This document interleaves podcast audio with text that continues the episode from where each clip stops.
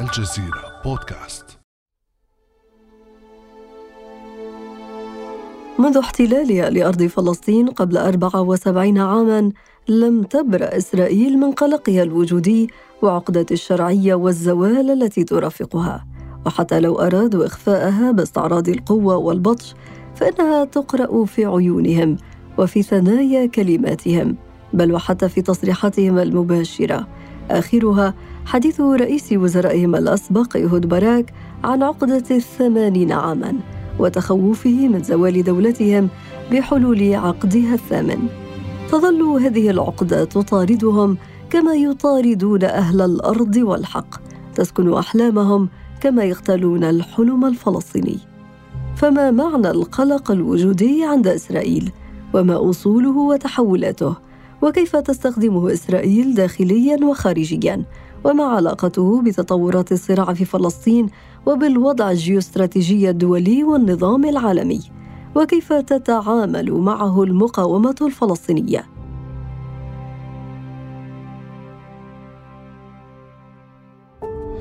بعد أمس من الجزيرة بودكاست أنا أمل العريسي.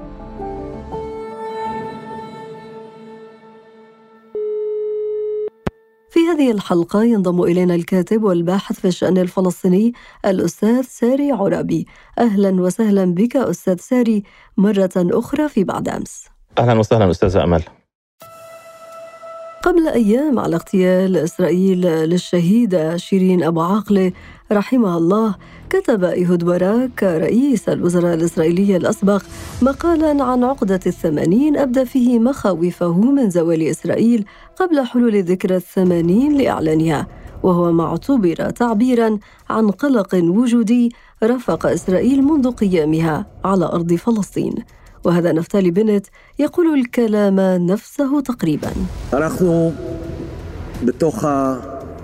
نحن في العقد الثامن لدولة إسرائيل. على مر تاريخنا كانت لنا في أرض إسرائيل دولتان ولم ينجح شعب إسرائيل أبدا في تخطي العقد الثامن كدولة موحدة وذات سيادة.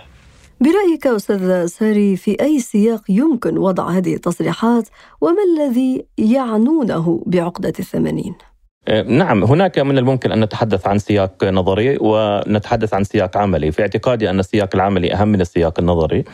أما السياق النظري فهو المتعلق بعمر آه، دويلات بني إسرائيل التي يقال إنها أقيمت في أرض فلسطين تاريخيا سواء مملكة داوود وسليمان المملكة الأولى أو المملكة الثانية، طبعا هم يقولون انه المملكة الإسرائيلية الوحيدة التي تجاوزت عقدة الثمانين هي دولة الحشمنوئيم التي تجاوزت المئة عام بقليل، قبل نفتالي بنت، قبل قبل إهود باراك صرح بمثل ذلك أيضا بنيامين نتنياهو في وقت سابق. منذ قيام دولة إسرائيل في الحقيقة كان هناك العديد من النبوءات التي تروج في بعض الأوساط الإسرائيلية ولا سيما الأوساط الدينية عن أن هذه الدولة لن تتجاوز الثمانين عاما. لكن أنا أعتقد أن السياق الأهم من السياق النظري هو السياق السياسي أو السياق الواقعي بالنسبة لتأسيس دولة إسرائيل ومن ثم آفاق هذه الدولة واحتمالات استمرار هذه الدولة. دولة إسرائيل تفتقد للمبرر المبرر التاريخي تفتقد للمبرر الجغرافي تفتقد للأسباب الاجتماعية في وجودها في هذه البلاد وهي دولة نابتة طارئة على هذه المنطقة. الحديث عن آفاق الاستمرار لدولة إسرائيل يدفعنا للسؤال عن ظاهرة القلق الوجودي عند إسرائيل. ما مفهوم هذا القلق وما أصوله وتحولاته؟ كيف ظهر عند إسرائيل؟ يعني من الممكن أن نتحدث عن مجموعة من المحطات التي تبرز وتجلي حقيقة القلق الوجودي الموجود لدى المؤسسة الصهيونية بشكل عام على المستوى الاجتماعي أو السياسي أو الأمني أو العسكري، أنا هنا فقط أضرب بعض الأمثلة على مجموعة من المحطات، يعني مثلا في حرب أكتوبر تشرين عام 1973 أصيبت المؤسسة الصهيونية بأزمة كبيرة جدا واعتقدت في تلك اللحظة التاريخية أن هذه هي نهاية إسرائيل، العديد من الوثائق التي كشف عنها اسرائيليا تكشف عن حقيقة الأزمة والاضطراب والارتباك والتوتر الذي عانت منه الحكومة الإسرائيلية وأجهزة ومؤسسات الدولة في ذلك الوقت. يعني بمعنى أن هذه الدولة التي تتسلح بالسلاح النووي وتملك ترسانه هائلة ومدعومة من الغرب ومن المنظومة الدولية بشكل عام بالشكل الذي نعرفه جميعا لا تملك يقينا وجوديا بالنسبة لوجودها واستمرارها في هذه الأرض. هذا طبعا كان على مستوى حرب من جبهتين يعني الجبهة المصرية والجبهة السورية، لكن حتى نحن الفلسطينيين عينا ذلك بإمكانياتنا المحدودة يعني مثلا في انتفاضة الأقصى عام 2000 سمت المؤسسة الإسرائيلية تلك الانتفاضة باستمرار حرب الاستقلال الإسرائيلية. يعني بمعنى الإسرائيلي كان يشعر أنه لم يستقل بعد في مواجهته للفلسطينيين العزل في الانتفاضة الفلسطينية الثانية. بعد ذلك في الحقيقة نحن كلنا نعلم أن واحد من من شعارات الإيديولوجيا الصهيونية وشعارات الاستقطاب الاستيطاني إلى أرض فلسطين هو أن هذا المكان الأكثر أمنا لليهود في العالم لأنه جزء من تأسيس الكيان الصهيوني في فلسطين قام على أساس المسألة اليهودية في الغرب حينما اضطهد اليهود هناك. لكن مثلا في العديد من المواجهات والمحطات الكفاحية للفلسطينيين بات الإسرائيليون يطرحون هذا السؤال أن هذا المكان ليس هو الأكثر أمانا في العالم. وربما هذا يذكرنا أستاذ ساري بما عرف بحمى الباسبور الثاني في إسرائيل.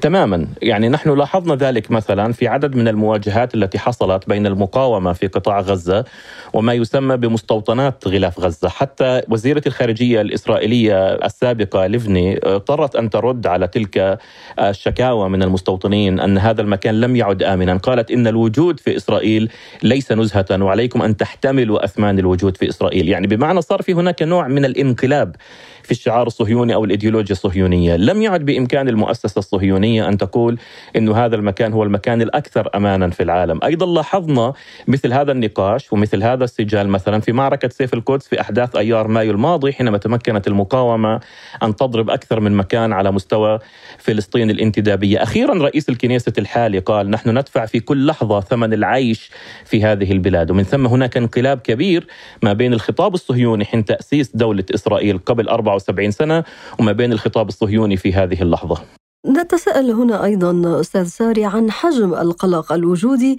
في الفكر والذهنية الصهيونية، هل هو حقيقي أم مصطنع للاستغلال السياسي وتعبئة الإسرائيليين ودعم الروح القتالية عندهم؟ لا شك أن القلق الوجودي الإسرائيلي هو قلق حقيقي. بدليل مجموعة من القضايا التي تحدثنا فيها محطات تاريخية متعددة كشفت عن قلق وجودي إسرائيلي. بدليل أن هذا القلق يعتري كل المنظومة الصهيونية المؤسسة الصهيونية بمستوياتها الاجتماعية والسياسية والاقتصادية والأمنية. بدليل ما تفضلت بالسؤال عنه عن حمى البسبور وحرص كل إسرائيلي على أن يملك جواز سفر آخر غير جواز السفر الإسرائيلي. بدليل حالة الارتباك التي يعاني منها المشروع المشروع الصهيوني في هذه اللحظة التاريخية بسبب صمود الفلسطينيين فقط. يعني إذا كنا نتحدث عن أزمة المشروع الصهيوني بعد 74 سنة أنا أعتقد أن مؤسسي الكيان الصهيوني ربما لم يتوقعوا أن يظل الشعب الفلسطيني صامد بهذا الشكل. يعني صمود الفلسطينيين بشكل أساسي أعتقد هو العامل الأهم والأساسي في إرباك المشروع الصهيوني وشعور المشروع الصهيوني بالأزمة الوجودية. لأننا كنا نلاحظ الآن حالة الرداء العربية. يعني بمعنى نحن نلاحظ اصطفافا وتحالفا ما بين مجموعة من الدول العربية مع الكيان الإسرائيلي. يعني لم يكن ظهر الفلسطيني مكشوف كما هو مكشوف الآن ولم يكن الكيان الصهيوني يشعر بالارتياح والقدرة على التمدد في الإقليم العربي كما هو موجود الآن وبالتالي أنا أظن أن صمود الفلسطيني بالدرجة الأولى هو الذي يدفع نحو السؤال الوجودي بالنسبة للإسرائيلي فضلا طبعا عن عوامل أضخم وأكبر متعلقة بهذا العمق العربي الكبير على المستوى الشعبي والجماهيري. اذا أستاذ ساري لا يتوقف الأمر عند المستوى السياسي بالنسبة للقلق الوجودي لدى إسرائيل بمعنى ليس هو مرتبط فقط بانتهاء الوجود المادي لإسرائيل ولكن أيضا بانتهاء الوجود السياسي له. ويبدو كذلك أن له جذور عميقة في الذهنية الدينية. لنستمع كيف عبر الحاخام أمنون يسحاق عن تشاؤم شديد بحرب أوكرانيا وربطها بنبوءة زوال إسرائيل. سيتوج الرب رجل الشر الأحمر على كل العالم ويقوم ملك واحد في روما. أي في العالم المسيحي وسيحكم العالم تسعة أشهر ويصادر دولا كثيرة وبعدها يأتي إلى إسرائيل ويفرض عليها ضريبة كبيرة. سيكون شعب إسرائيل في تلك الفترة في ذائقة كبيرة وأحداث فوضى تتجدد عليهم كل يوم. وشعب إسرائيل يتقلص في الوقت ذاته ولا أحد يساعدهم.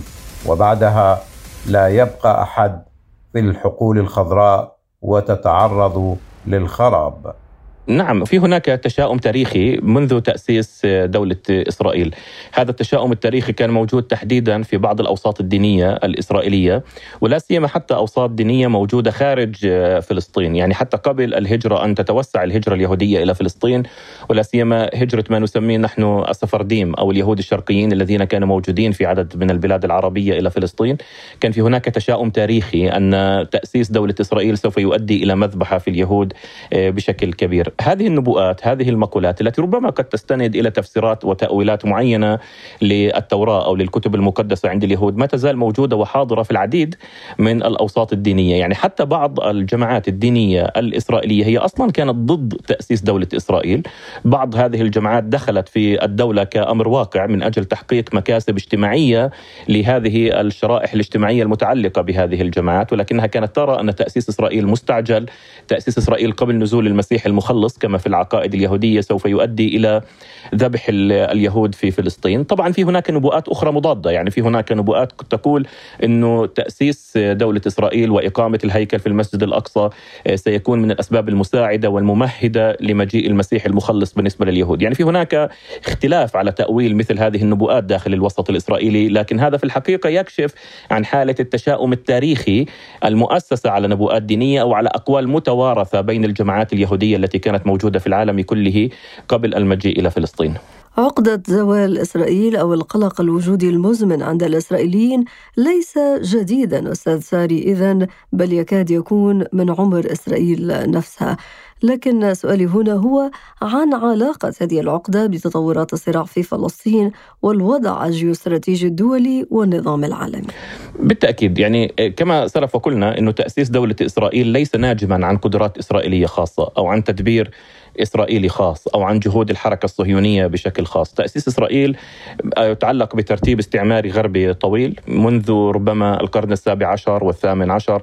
كان ثمة رؤى وتصورات أوروبية للقوى الاستعمارية الأوروبية التاريخية متعددة من أجل تأسيس كيان إسرائيلي أو كيان لليهود في فلسطين لكن كلنا نعلم بطبيعة الحال أن هذا الكيان تأسس في لحظة استعمارية ضمن شرط استعماري يتعلق بانهيار الدولة العثمانية والانتداب البريطاني على فلسطين ثم إعادة هندسة المنطقة العربية بشكل معين من أجل التمهيد لإقامة الكيان الصهيوني في فلسطين.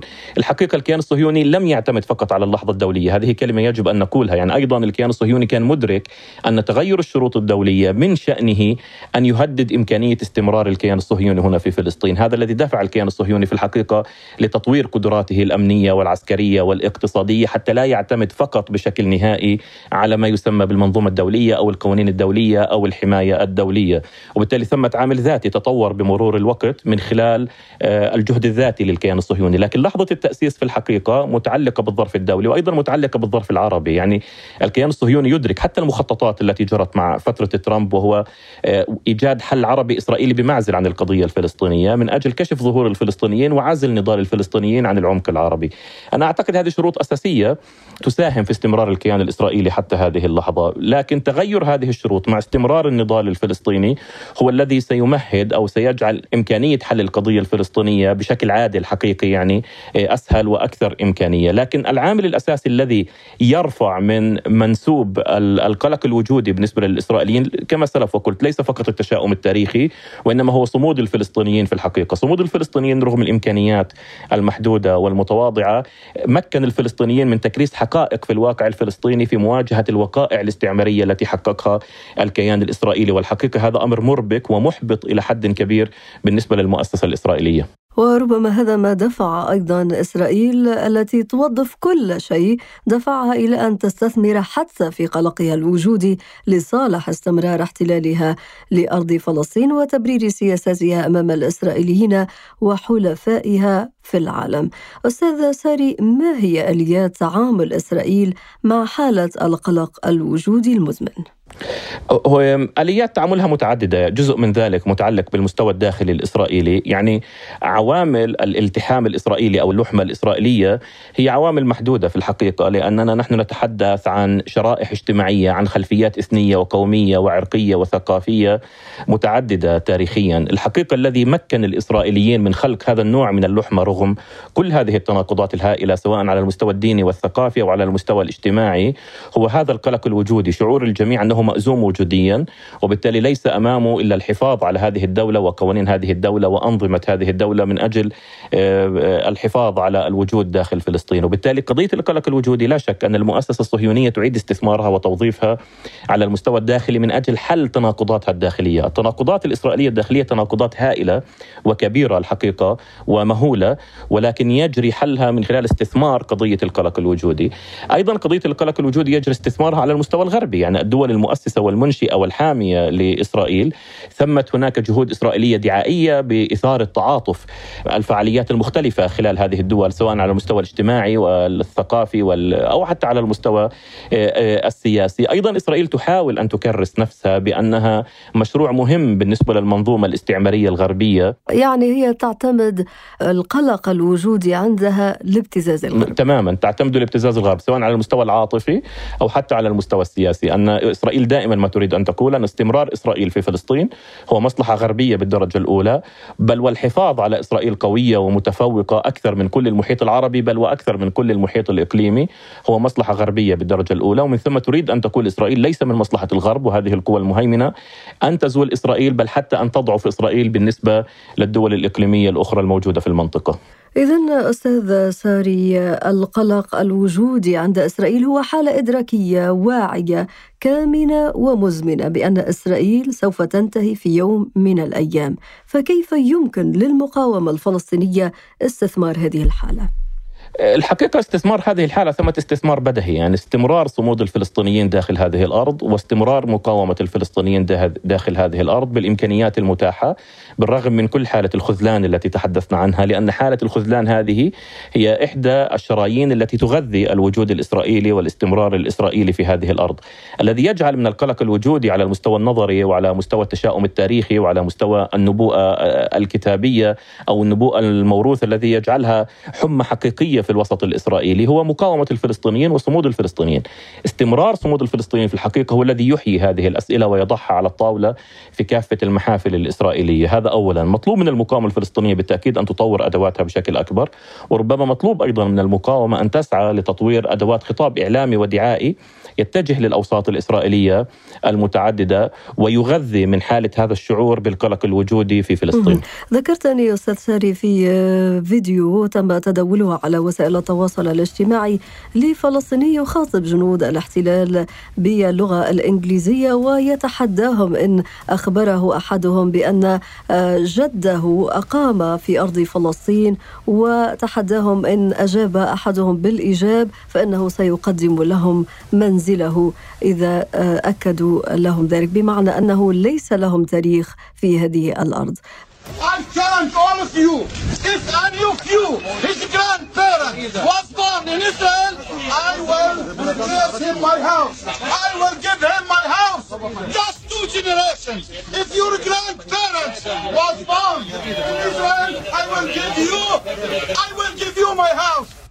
يعني هذا الفيديو الحقيقة كاشف عن طبيعة هذا التناقض أو عن هذه المفارقة التاريخية وهو أن الكيان الإسرائيلي يفتقد للجذور في هذه البلاد. يعني الشعب الفلسطيني شعب متجذر في هذه البلاد بدليل استمرارها الشعب حتى هذه اللحظة. تجدد الشخصية الوطنية الفلسطينية تجدد الإرادة النضالية وتجدد الإرادة الكفاحية الفلسطينية حتى هذه اللحظة. وعجز الحقيقة الاحتلال الإسرائيلي عن أن يتمكن من إعادة هندسة التاريخ في هذه المنطقة وهندسة الوقائع الاجتماعية. طبعا هذا الأمر مثلا نحن لاحظناه أخيرا في جنازة شيرين أبو عقلة في القدس. يعني الاحتلال الإسرائيلي لما أراد أن يحاصر هذه الجنازة وأن يمنع حجمها الضخم هذا جزء من سلوكه المتكرر في القدس لأن الاحتلال يمنع تشييع أي شهيد فلسطيني بما يزيد على 40 فلسطيني في أي جنازة. حتى أن مراسلة الجزيرة جيفارا البديري قالت أنه لو قال لهم أي شخص أن هذه الجنازة سيشارك فيها الآلاف ما كانت لتصدق. تماما وبالتالي هذه كانت صدمة بالنسبة للإسرائيلي أن يرفع العلم الفلسطيني في القدس. تخيلي أنت أن رفع العلم الفلسطيني في القدس يؤدي إلى استنفار كل المنظومة الأمنية والعسكرية الإسرائيلية مجرد رفع رمز فلسطيني قطعة قماش في القدس.